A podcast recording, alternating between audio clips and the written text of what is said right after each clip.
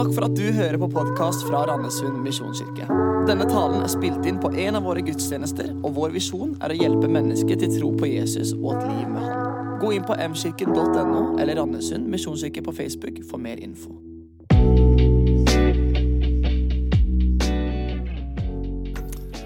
Hei, mitt navn er Marius Hodne, og så jobber jeg som ungdomspastor her i kirka. Og så gleder jeg meg til å være her i dag for å fortsette i den serien vi har kalt 'Hva er vitsen?'. Gjennom syv søndager nå så har vi fokus på Forkynnerens bok. En bok i Det gamle testamentet som kanskje ikke er den aller mest kjente av biblene i vår bibel. Og så er det en litt spesiell bok. Hvis du prøver å lese gjennom bare alene, så er det mulig du blir en smule deprimert av lesinga di. For det at egentlig er det en haug med spørsmål. En haug med de kanskje litt dypere spørsmålene som vi kanskje stiller oss i livet. Forkynneren han skriver og søker etter mening og spør spørsmål som hva er egentlig meninga med livet? Hvor kan jeg finne lykke, har vi prata om. Og så er det disse spørsmålene vi ser på gjennom denne serien. I dag, i 2019, så tror jeg vi stiller oss mange av de samme spørsmålene som forkynneren gjorde da. Vi har litt andre måter å finne ut av svarene på. Vi skriver ikke en filosofisk bok om temaet, men vi, vi går på selvhjelpskurs, vi leser dokumentarer eller ser dokumentarer, vi leser blogger for å finne svar på de spørsmålene vi stiller. I går på radioen så hadde programmet Lørdagsrådet maratonsending. Tolv timer hadde de sending hvor folk sender inn sine spørsmål for å søke råd hos et panel med utvalgte kjendiser som gir sine råd på hvordan ting skal gå bra i livet. Veldig interessant. Tolv timer maratonsending. Det fins egentlig ikke grenser for hvor vi søker råd for å finne ut hva er det gode liv. Hvor finner jeg hensikt, og hvor finner jeg mening? På kvinneguiden.no for eksempel, fins det utallige diskusjoner om de viktige tingene i livet. Om denne eksempel. Hvordan beholde roen når det koker i hodet og barna hyler. Det har jeg lurt mye på i det siste. Dette går jeg og tenker på. Eller noen kan spørre sånn Mannen vil bestemme over interiør hjemme. Det kan være en dyp krise i livet. Det skjønner jeg veldig godt. Bør vi kjøpe hest til datteren vår? Er det noen som spør. Kanskje, kanskje ikke. Skal jeg dele livet med mann eller katt? Det er noen spørsmål man må finne ut av her. for liksom, Hvor er dagboka mi, er noen som spør. Det er jo en fin ting å spørre om på et diskusjonsgreie. Eh, Hvordan forteller svogeren at han bør kutte hentesveisen? Det er jo eh, Kan få noen gode råd her. Det er ganske mange som har svart, og det er flere sider. skjønner du. Det blir stor debatt. av Hun begynner å bli pæreforma. Kan jeg ta det opp? Hvordan?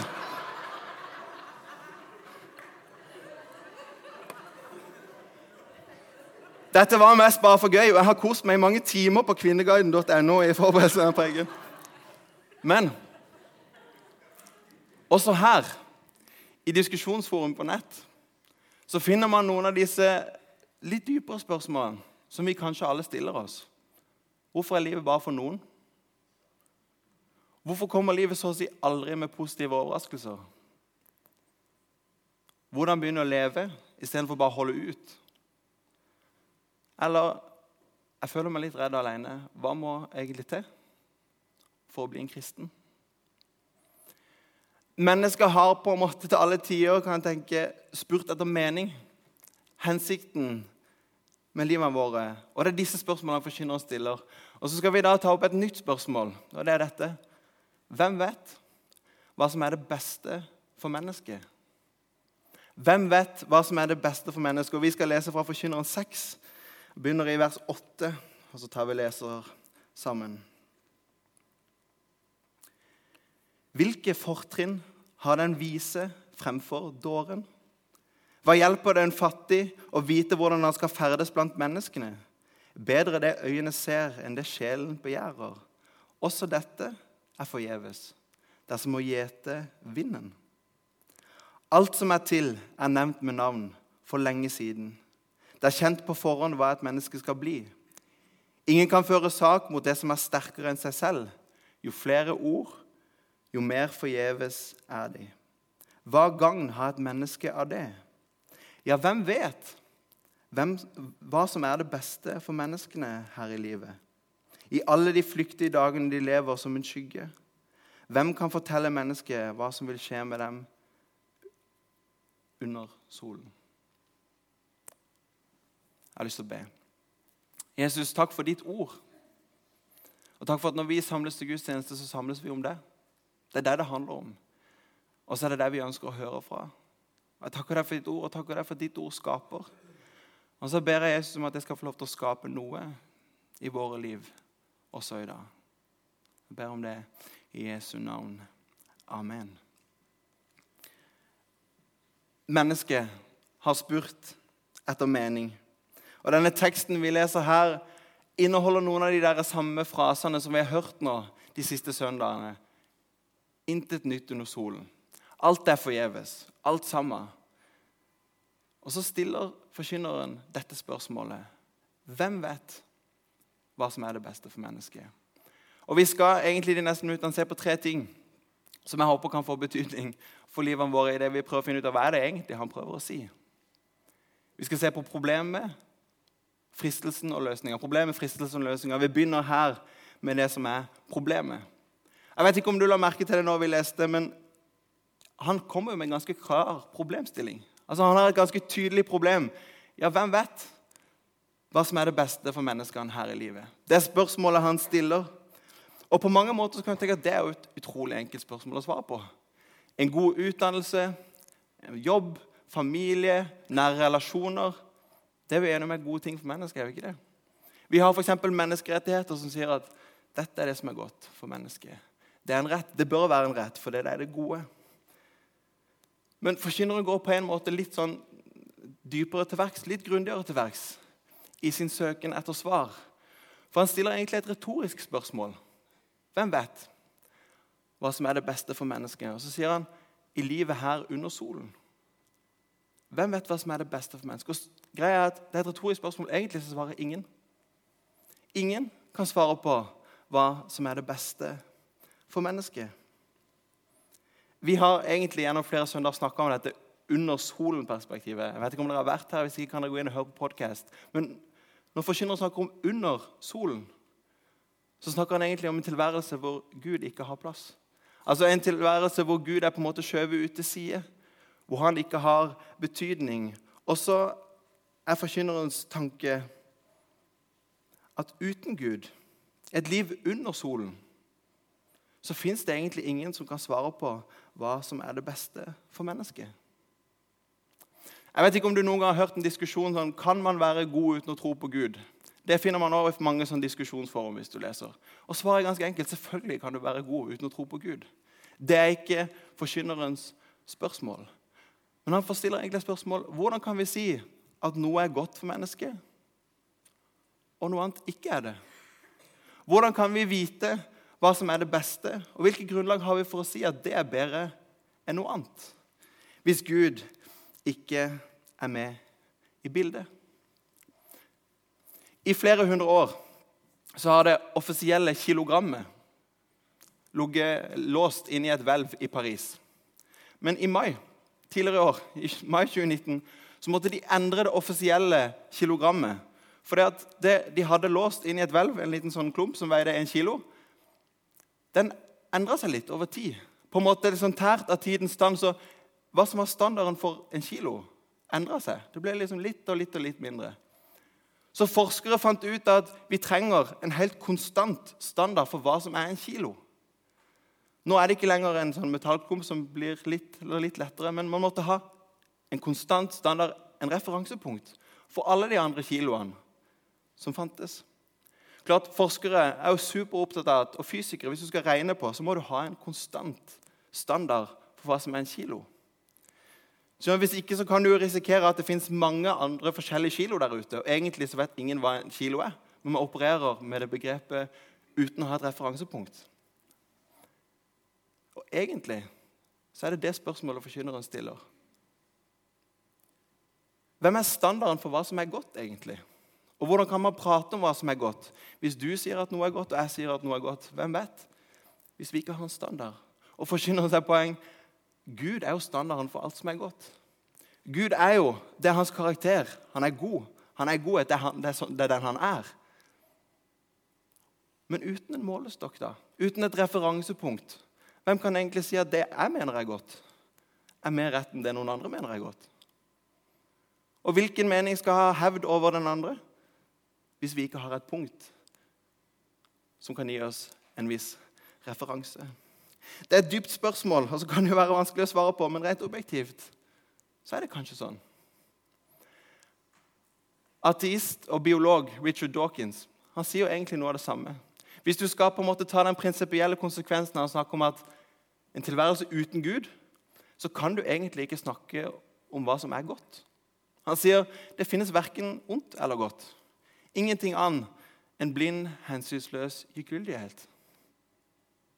Hvem skal få bestemme hva som er godt, og hva som ikke er det? Og Det er dette som er forkynnerens poeng med sitt retoriske spørsmål. Ja, hvem vet? Hvem vet? Ingen. Ingen vet. Jeg kan ikke mene at min definisjon på hva som er godt, er noe mer rett enn noen andres. Og Han fortsetter med sine spørsmål og sier hvilket fortrinn har da den vise fremfor dåren? Hva hjelper det å vite hvordan jeg skal ferdes blant mennesker? Hva sier han? Egentlig spiller du ingen rolle da, under solen, hvordan jeg lever. Hvordan kan noen si at måten jeg lever på, er feil? Hvordan kan noen mene at jeg burde levd på en annen måte? Kan ikke jeg bestemme det sjøl? Dette er forkynnerens litt dype spørsmål. Og så er poenget at under solen, uten Gud, så er det egentlig ingen som kan svare på det spørsmålet. Hva er det beste for mennesket? Men med Gud så åpner det seg et helt annet landskap. Over solen så finnes det noe annet. Og Forkynneren har faktisk et løsning på sitt problem. Heldigvis. Før vi går til løsning, jeg har lyst til å si superkort noe om det jeg har valgt å kalle fristelsen. Jeg vet ikke om du har tenkt på hvorfor er det sånn at vi mennesker ofte har en tendens til å på en måte skyve Gud litt ut. Jeg skulle la merke til Det Det er tendensen i samfunnet. Ofte er det tendensen i våre liv at Gud og Gud på en måte får liksom mindre rom. Hvorfor er det sånn? Den store tendensen i samfunnet de siste 100 årene har vært at Gud defineres ut. Gud får mindre plass, han spiller mindre rolle, det har mindre betydning. Og så er ikke dette bare samfunnets tendens, men Bibelen snakker om at det er egentlig menneskets problem helt fra begynnelsen av. Helt fra skapelsen av så har man et ønske om å være sin egen herre og frelser. I 2019 så er det ingenting jeg tror, som vi setter høyere enn friheten vår. Har du lagt merke til det? Uansett hvilken debatt eller ting du leser, så er friheten. Det er vårt høyeste gode, vår høyeste verdi på mange måter. Ingen skal få lov til å ha definisjonsmakt over mitt liv. Jeg skal meg sjøl. Jeg er fri. Og det setter vi som vår høyeste gode. Og så tenker jeg at i det, og i vår forståelse av vår frihet, er, så er det lett å skyve Gud unna. Men det som er veldig viktig, det er å snakke om at Bibelen har faktisk en helt annen definisjon på hva frihet er. Jesus sier at 'jeg har kommet for at dere skal ha liv og overflod'. Han sier om seg sjøl 'hvis Sønnen får frigjort dere, da er dere virkelig fri'. Så hvordan henger det sammen, da? Jeg syns at forkynner Markus Kvavik sier det veldig godt når han sier frihet handler ikke om å fly fritt, men det handler om å være bundet til han som setter fri. Det er sammenhengen. Det handler ikke om å fly fritt, det handler ikke om å bestemme sjøl, men det handler om å være bundet til han som setter fri. Det er så viktig, tenker jeg, å snakke om noe av dette. Og så ser vi at når f.eks. Gud gir de ti bud til sitt folk Når Gud til israelsfolket skal gi sine ti bud, så sier han noe før de ti budene kommer. Han sier dette. 'Jeg er Herren i Gud, som har ført deg ut av Egypt, ut av slavehuset.' Og så kommer budene. 'Du skal derfor ikke ha andre guder enn meg.' Og så. Og hva er det han sier? 'Jeg har jo satt dere fri.' 'Jeg har jo alt redda dere.' Og så kan dere få lov til å leve videre den friheten som jeg har gitt. Det er så viktig å huske at budene ble ikke gitt i Egypt. De ble satt fri først. Budene er ikke der for at du skal holde budene, og derfor skal du bli redda. Nei, du er allerede redda. Du er allerede satt fri, og så kan du få lov til å leve i den friheten som jeg har gitt deg. Det er en annen frihet enn hva vi kanskje ofte snakker om. Det er en frihet som handler om å være bundet til Han som faktisk setter deg fri. Guds bud har aldri handla om å begrense og frarøve deg livet, men du kan få lov til å leve i den friheten som Gud allerede har gitt deg. Fristelsen vår er å skyve Gud unna. Men under solen uten Gud så er det vanskelig å si noe om hva som er det beste. Men med Gud så åpner det seg et helt annet landskap. Og Da har vi endelig kommet til løsninga. Blant alle sine spørsmål så har faktisk forkynneren et svar på akkurat dette. Stort sett er det bare spørsmål i denne boka. Det kan oppleves litt frustrerende. jeg synes det er litt frustrerende lesning. Men når vi kommer seks kapitler lenger ut, til forkynneren 12, så sier forkynneren dette. Dette er summen av alt du har hørt. Frykt Gud og hold Hans bud. Dette gjelder for alle mennesker. Frykt Gud og hold Hans bud. Dette gjelder for alle mennesker. Og så er det jo egentlig ganske enkelt. Hva han prøver å si? Jo, hvem vet hva som er det beste for mennesket? Gud vet. Gud vet hva som er det beste for mennesket. Han er kilden til all godhet. Det er han som kan si hva som er det gode, hva som er det beste for mennesket. Og så peker han på at det kanskje det er han vi må venne oss til. Og så skjønner jeg om noen blir litt usikre nå. Mener du faktisk Marius, at å vende tilbake til Gud og hans bud er måten du kan få det beste livet på? Ja, jeg tror faktisk det. Jeg tenker faktisk det. Der tror jeg det beste, det gode liv ligger. Og Samtidig så vet jeg at noen tenker det har jeg alt prøvd. Vet, når jeg prater med mange ungdommer, så er det ikke alle som opplever at Guds bud er den største friheten de har opplevd i livet. Når jeg prater med noen, så sier jeg at jeg skjønner ikke hvorfor det skal være sånn. Hvorfor er det sånn at jeg ikke kan det og ikke kan det og ikke kan det? Og så sier Guds bud overhodet ikke som en frihet. Det tynger meg. Det er en bør på skuldrene mine. Det knuser meg. Det frarøver meg livet, vil kanskje noen si. Og Hvordan henger det sammen? da? Hvordan er det gode liv? Hvordan kan det finnes her? Guds bud setter meg ikke fri i det hele tatt. Og jeg er ikke interessert i et sånt liv. Det hører jeg faktisk mange si. Jeg er ikke interessert i et sånt liv. Men forkynneren peker på en nøkkel her. Hva er det han sier for noe? Du skal ikke bare holde Guds bud, men du skal også frykte Gud. Og det er en kjempestor forskjell. La meg prøve å forklare. Å frykte Gud, det forandrer faktisk alt. Frykt beskrives på to måter i Bibelen. Det ene måten å snakke om frykt, det er jo som vi snakker om frykt. Altså Frykt for at noe skal skje, frykt for at du skal skade deg. på en eller annen måte. Jeg kan være redd for slanger. Det er det verste jeg vet. Jeg tør ikke å gå på joggetur på høsten. Det er en frykt for at noe skal skje med oss. Og Sånn snakker Bibelen også om frykt. Men Bibelen snakker veldig ofte om frykt på en helt annen måte. Da er det ikke frykt for å være redd for noe, men det er nesten snakk om en ærefrykt. Eller du beundrer noe, du anerkjenner noe. På engelsk kunne du kanskje snakke om det er en amazement for noe. Det er noe som engasjerer deg, det er noe som er større, det er noe du beundrer. Og Når vi snakker om å frykte Gud, så handler ikke det om å frykte bare hans hellighet og det ene du er redd for. Nei, Å frykte Gud handler faktisk om et liv i stor beundring av hvem han er.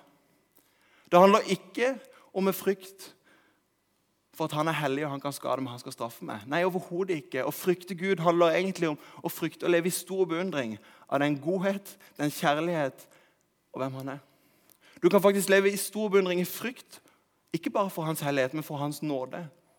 Og så er det faktisk sånn at når vi frykter, når vi lever i stor beundring av hans nåde, det er da våre store synder blir små.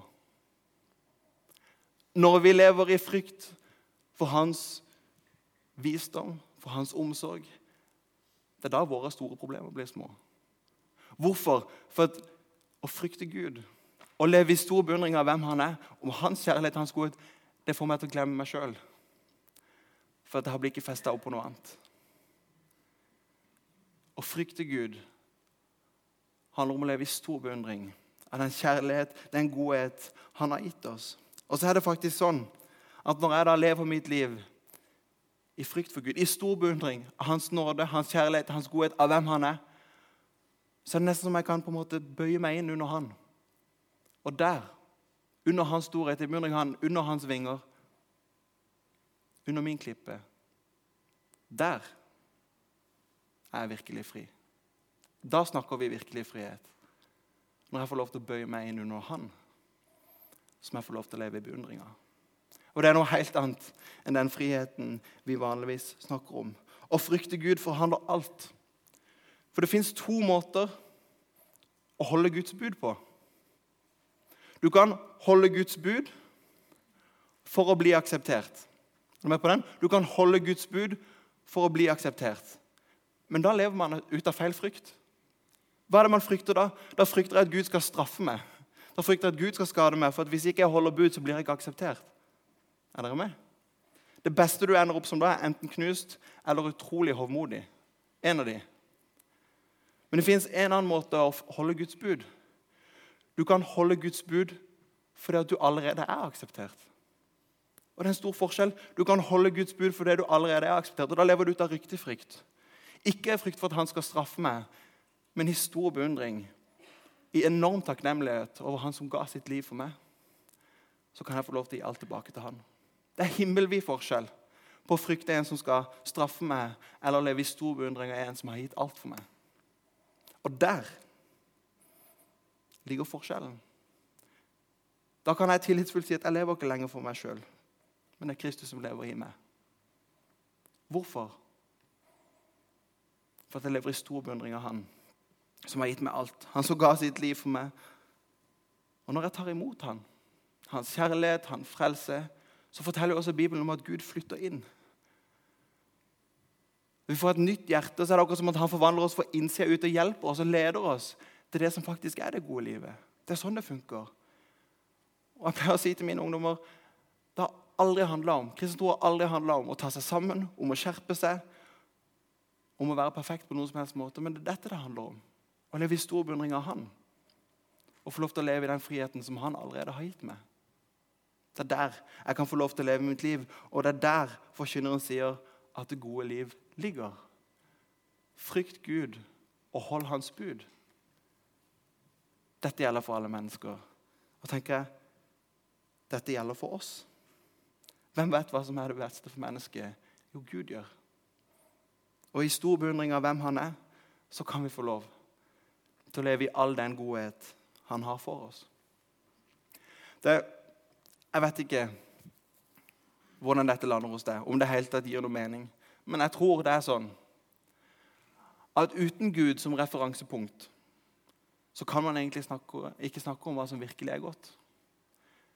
Det blir egne meninger, og så kan en egentlig si at det ene gjelder mer enn det andre. Men med et referansepunkt så kan jeg snakke om hva som er virkelig godt. Jeg tror at å holde Guds bud og leve med Gud har aldri handla om, om å skjerpe seg, om å ta seg sammen, men handler om å leve i den friheten som vi allerede er gitt. Og i stor beundring av Han, Hans nåde, Hans kjærlighet, der kan jeg få lov til å leve mitt liv. Og der kan jeg få lov til å være virkelig fri. Vi mennesker vi tester ut på mange mulige måter hvordan kan jeg leve et best mulig liv. Hvor er det gode liv? Hvor kan jeg finne lykke? Og Så tester vi kjempemange ting, men jeg har også lyst til å si at det er faktisk mulig å teste Gud. Det er faktisk mulig å gi Jesus en sjanse. Og det kan være en dag for deg i dag.